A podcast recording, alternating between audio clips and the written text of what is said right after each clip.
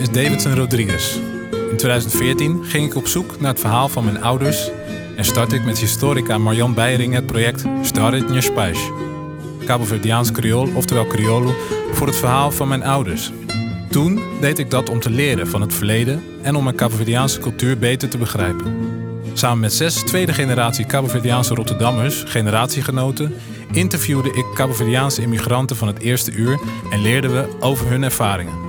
De aanleiding was de publicatie van het boek De Mozes van Rotterdam van de heer Guilherme Mendes da Silva. Een verhaal over een van de eerste pensioenhouders in Rotterdam. Zijn verhaal verdiende achtergrond en om die reden wilden we de verhalen van andere Cabo-Verdiaanse eveneens verzamelen en toegankelijk maken. Dat laatste lukte pas in 2021. En mijn naam is Maxime Schut. Uh, ik ben student aan de Universiteit Leiden. En als stagiair heb ik de kans aangegrepen om met dit uh, materiaal aan de slag te gaan. En het te gebruiken voor mijn onderzoek naar het belang van het vastleggen van deze verhalen. En dan met name voor de tweede generatie. Hiervoor interviewde ik deelnemers van het originele project. En daar schreef ik een paper over. Nou, in, in deze podcast gaan wij, Maxime en ik, met elkaar in gesprek over dit onderwerp. Wat heb ik geleerd tijdens dit oral history project en daarna? En hoe neem ik dit mee in mijn leven als Cabo-Verdiaanse Rotterdammer? En hoe sluit dat aan op mijn onderzoek? Welke conclusies kunnen we daaruit trekken? En wat kunnen anderen daarvan leren? Nou, in ons gesprek maken we gebruik van interviewfragmenten, horen we Cabo-Verdiaanse muziek uit de collectie van het Rotterdamse label Morabeze. Een korte podcast waarvan wij denken dat het pas een begin is. Alvast veel luisterplezier.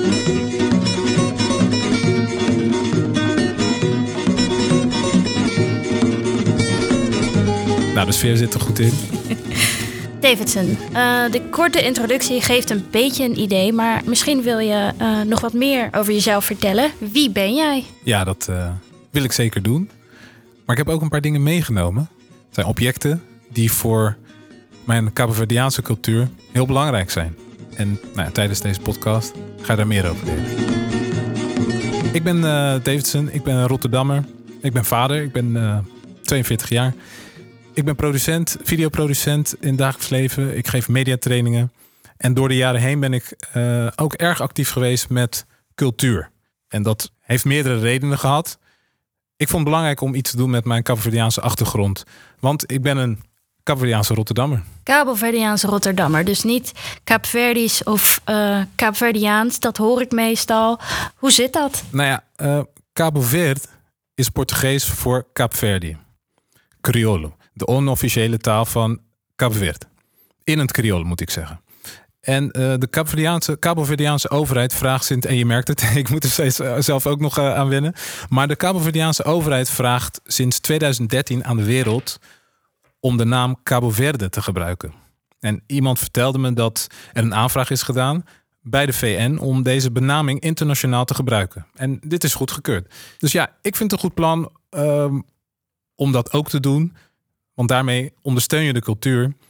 En um, ja, zorg je dat het land ook gewoon zichtbaar wordt. Ja, nou, sterk. Uh, heb ik nog nooit zo over nagedacht. Maar het is eigenlijk een soort tegenbeweging. Dus tegen ja, de verengelsing, denk ik, van de taal. En om een beetje die Lissabone cultuur wat meer naar de voorgrond te brengen. Nou, mooi.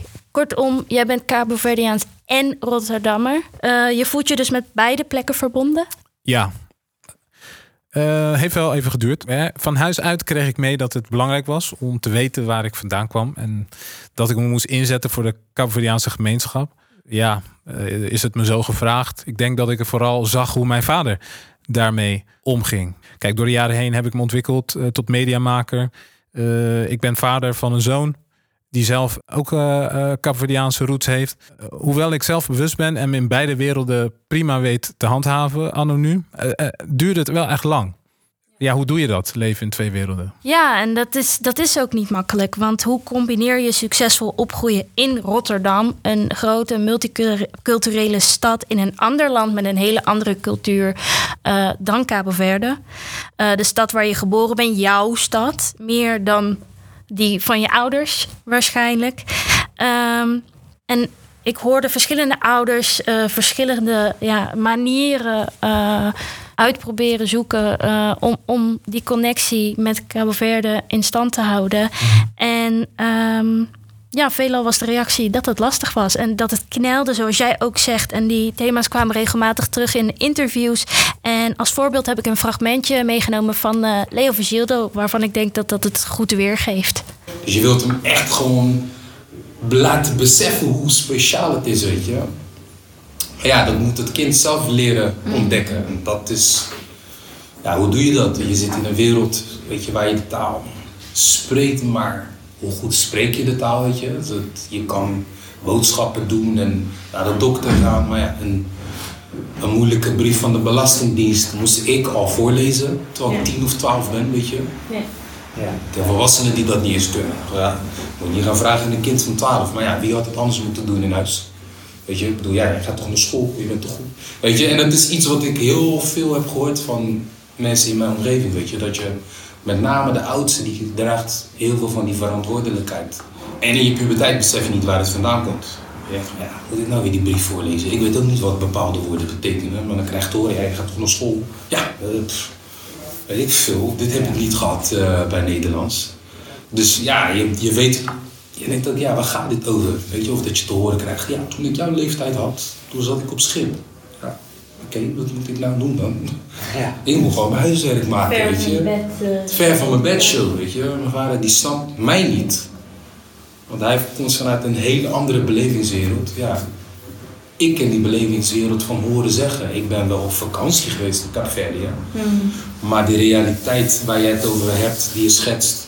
Ja, ik moest elke ochtend water halen. Ik moest naar de put en moest ik water halen. Ja, oké, wat moet ik nou doen dan? Als je water wil, loop ik wel even naar de keuken. Hoor. Ik bedoel, het is niet te veel moeite voor me. Maar ja, wat wil je nou dat ik doe? Weet je, ik heb het wel gezien. Ik ben geweest op het café op dat moment. Maar in een andere rol, als vakantieganger. Dus oh, water halen. Ja, ik loop wel even mee met mijn neef, weet je wel. Maar dat is een heel romantisch beeld, want je bent op vakantie. En als je een keertje niet mee wil gaan met je neef, ja, dan ga je toch niet. Voor hem was het gewoon noodzaak. Hij moest wel gaan, weet je. Er ging niemand anders voor hem naar de put om water te halen elke ochtend, bij wijze van spreken. Ja, er komt gewoon heel veel herkenning bij mij uh, naar boven. Ik, ja, ik had het zojuist over dat ik het een zoektocht vond. En dat, ja, ik, dat, dat was het ook wel echt. En um, ik, ja, dit voorbeeld van uh, Leo van Gilde, ik, ik herken heel veel. Maar ook vooral dat onderliggende, dat ja, een beetje een soort frustratie denk ik ook over, joh, ja oké, okay, je wil dat ik jou begrijp, maar begrijp jij mij ook? En hoe komen we daaruit? Dat hoor je dus heel veel. Maar ik heb ook een fragment meegenomen van uh, Etna. En daar gaat het eigenlijk weer een beetje anders. Uh, en ik vond het belangrijk om dat uh, ook te delen met jullie. Aan tafel hadden we altijd de gesprekken. Dus tijdens het eten of ehm, in het weekend tijdens het ontbijt. En dan vertelde zij heel graag over hoe, toen, hoe het was, hoe zij klein waren. Um, hoe zij naar school gingen. Um, de eiland op zich, hoe die zich ontwikkelde. En um, zij zijn, uh, mijn ouders hebben meegemaakt dat zij dus nog een deel, dat het een kolonie van Portugal was, hoe dat was. Mm. Door dat mee te krijgen als kind, het is eigenlijk vanzelfsprekend geworden. En dan wordt je interesse, naarmate je ouder wordt, groter. En je gaat ook dingen vragen. En ik ben in een tijdperk geboren dat, we dus, dat zij vaak met brieven werkte. Dus uh, familie woonde in Kaapverdië en dan kregen ze om zoveel tijd uh, brieven. En mijn moeder las die brieven, die waren dan allemaal in het Portugees. En uh, mijn moeder heeft er altijd een soort spelletje van gemaakt. En dan mocht ik een zin lezen, mijn zusje een zin lezen. En dan uh, spraken we het natuurlijk niet goed uit en wisten we de helft, wisten we niet uh, wat. En dan ging je vertellen, wat betekent dit? Wat betekent... Eigenlijk op een spelende wijze hebben wij Portugees geleerd. Maar ook, want dan het verhaal in de brief. Waardoor je echt geïnteresseerd bent van wat, wat is Kaapverdi? Wat, wat, wat, wat is het cultuur?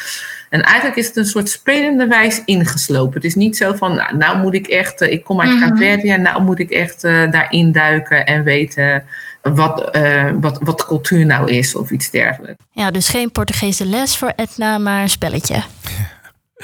Ja, verfrissend. Uh, toch ook alweer een hele andere beleving hoor ik terug. Eh, maar, maar ook wel weer wat, wat eh, herkenning. Nou ja, wat ik bijzonder vond eh, was dat hè, iedereen heeft zijn eigen weg bewandeld. Maar uiteindelijk heeft die weg toch voor alle deelnemers naar Storia de Spijs geleid.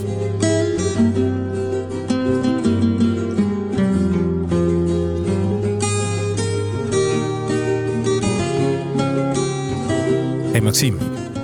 Ja? Je ziet hier wat dingen staan zeker. Wat spreekt je aan? Wat zou jij eh, willen beetpakken? En, eh, Nou ja, ik ben wel benieuwd naar de... Naar deze... Wat is het, een ketting?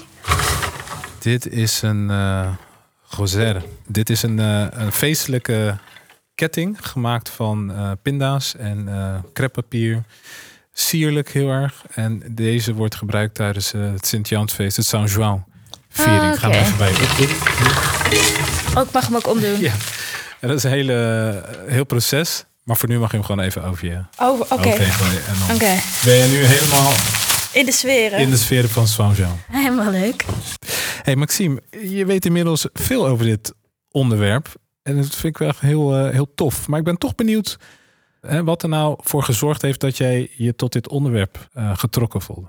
Ja, nou ja, wat ik al zei, in de eerste instantie ben ik er als stagiair terechtgekomen ehm, via mijn onderzoeksbegeleider, Dr. Camille Krakowska. ehm, die onderdeel is van een onderzoeksteam dat onder andere onderzoek doet naar de Cabo-Verdiaanse gemeenschap eh, in Rotterdam.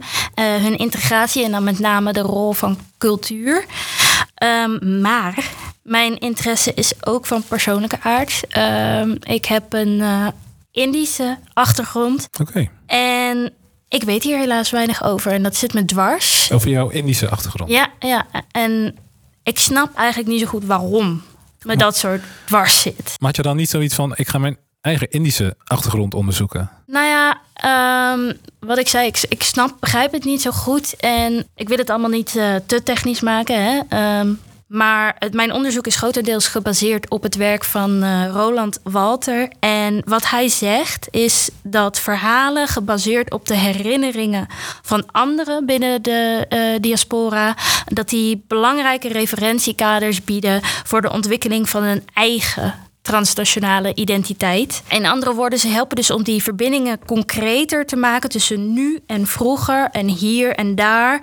Eh, hier in dit geval Rotterdam. Eh, of, of Nederland. Eh, en daar verwijst dan naar Cabo Verde. En door het maken van die connecties is het makkelijker om te begrijpen wie jij bent en hoe je verbonden bent met de mensen om je heen. Door met mensen te praten die ook een migratieachtergrond hebben, ook al is die anders, eh, kan ik ook mijn eigen gevoelens beter plaatsen. Ah, ja. Ja. En ehm, dus ik denk dat het niet zoveel uitmaakte Ja. met wie het was. Maar in dit geval de Cabo-Verdiaanse gemeenschap.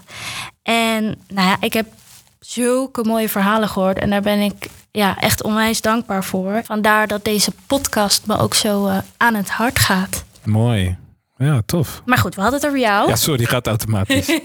Dit verhalenproject, waarom heb jij je hiervoor ingezet? Nou ja, ik vertelde net, dit project is in 2014 eh, gestart. En ehm, in die periode had ik heel sterk de drang om een docu te maken over mijn vader. Ja, ik wilde mijn ouders en hun keuzes beter begrijpen. Vandaar, ik zat dus al met van, ik wil een docu maken over, over mijn vader. En ik zag al wel voor me dat ik echt in zijn, in zijn geschiedenis wilde duiken. Maar ja, het, bleek toch wel een soort draak van een opgave om dat voor elkaar te krijgen. Omdat ja, je weet niet waar je moet beginnen. En de handvatten die geboden werden, die interviewtraining bijvoorbeeld, ja, dat sprak me wel heel erg aan. Ja, voor mij was het wel echt een manier om, om, om daar een start mee te maken. En ja, ik werd me bewust van het feit dat ze een cultuurshock hebben ervaren, weet je. Eh, verhuizen naar een koud land, een taal die je niet kent, veel minder saamhorigheid, totaal anders. Kan ik nu ook na, hè, door mijn ervaring recentelijk ja, echt wel inzien.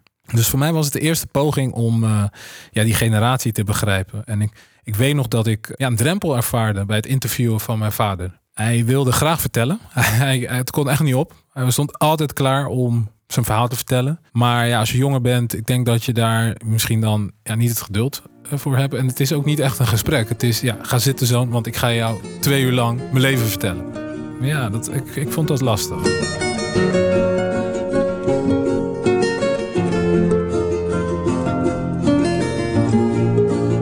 En terwijl je op Cabo Verde was, veranderde er dus iets. Ja, ja, nee zeker. En dat, eh, weet je, ik heb wel dingen geprobeerd. We zijn al eerder ook naar Kaapverdië geweest, samen. En toen zijn we ook langs geweest op Sint-Anton bij zijn ouderlijk huis. De bergen ingetrokken. Ik heb toen ook mijn camera meegenomen. Dus ik heb echt wel delen van die docu in de maak eh, gefilmd. Ehm, dus ik heb al heel veel geleerd over die familiegeschiedenis. En ja, mijn laatste trip naar Cabo Verde... hij heeft dingen nog meer ja, op zijn plek doen vallen. Ja, dit kwam ook terug uh, in een interview met Wendy, um, die ook de reis van haar moeder maakt. Dus uh, luister maar. Nou, toevallig, nou, dat was dan de laatste keer, uh, was ik met mijn eigen gezin op reis met de trein. En toen hadden we de nachttrein vanuit Lissabon naar Bordeaux. De nachttrein gaat van Lissabon naar Hendai, heet het volgens mij. En dat is ook de reis die mijn moeder heeft gemaakt. Dus dat was dan heel bijzonder om het daarover te hebben. Want ik heb hem dan met mijn gezin gemaakt. En zij heeft hem dan 40 jaar geleden zelf gemaakt. Uh, dus dat was de laatste keer dat we het erover hadden. Stelde jij er vragen over? Of? Ja, maar uh, niet um, niet met dezelfde interesse die ik dan nu zou hebben als ik opnieuw dat gesprek met haar zou hebben. Mm -hmm. Omdat als, uh, als je wat jonger bent, dan boeit het misschien iets minder of zo. ik weet ja. niet zo goed waarom dat zo is, maar dan zit je met allemaal andere dingen in je hoofd. En van, oh ja, verhalen van vroeger. Mm -hmm. En dat is nu wel anders als je ook zelf moeder bent. Dus ik zou het gesprek nu wel anders aangaan. En ook toen ik de interviews deed met de eerste generatie uh, migranten, toen uh, heb ik ook wel uh, wat, uh, wat, ben ik ook al wat dieper op ingegaan. En dus ook toen ik zelf de reis maakte, mm -hmm. dat, dat, ik ook wel dacht van oké, okay, ja, dus hier heeft mijn moeder ook gestaan. En hier is ook een overstap gemaakt naar Parijs. En dan vanuit Parijs naar Nederland. Ja, nou ja, ook wel veel herkenning joh. Um, zo voelde het voor mij in Capverdië bijvoorbeeld ook met die reis die ik met mijn vader maakte. Echt alsof ik in zijn voetstappen, nou toen liepen we samen maar echt wel in zijn voetstappen terugliep. De geschiedenis uh, in.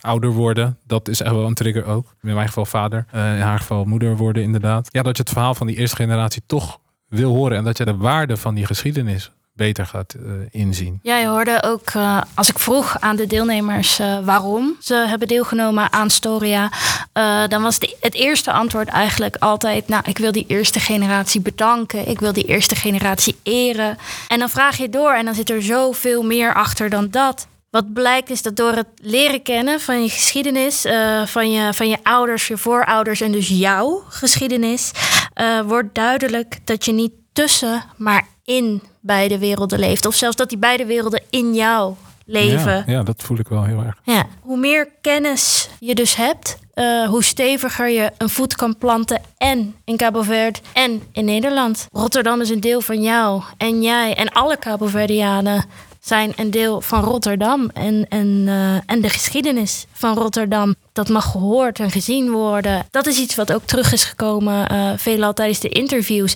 Wij zijn hier. Wij mogen hier zijn. En een project zoals dit, uh, een oral history project, kan eraan bijdragen om die zichtbaarheid te vergroten. En daarbij archieven inclusiever te maken. Maar we moeten het ook buiten, buiten die archieven bespreken. Ja, dat zijn wij nu ook aan het doen. Nou ja, precies. Met zo'n podcast. En ik denk dat het goed is om uh, ja, verschillende vormen uh, van delen. Of dat de interactie aan te gaan met, met, met mensen, met publieken. Om daarmee bezig te zijn. Ik weet dat ik in mijn werk of nou ja, in mijn vrijwilligerschap, of het nou gaat om projecten waar je aan meewerkt, of dingen die je vanuit je werk doet als mediamaker in mijn geval dat ik die twee werelden absoluut zal laten terugkomen. En dat ik ook me besef dat er een, ja, een bijdrage te leveren is als het gaat om het verbinden van die werelden.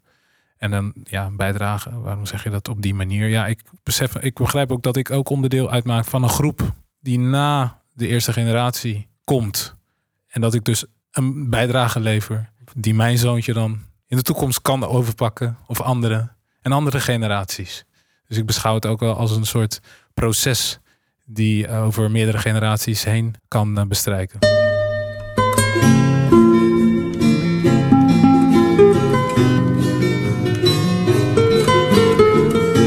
Deze podcast werd gemaakt door Davidson Rodriguez, Maxime Schut en Marjan Beijering. De podcast is mede mogelijk gemaakt door DRM, Geschiedenislab, het onderzoeksteam van het Night-project van Universiteit Leiden en het Deltapoort Donatiefonds. Luister de hele collectie van het Rotterdamse label Morabeza Records terug op muziekweb.nl. Speciale dank aan Carlos Gonzalves, Sonja Diaz, het Stadsarchief Rotterdam en natuurlijk iedereen die voor Storia dan Spice is geïnterviewd. Abonneer op dit kanaal en blijf op de hoogte van toekomstige podcasts, want we zijn nog niet klaar.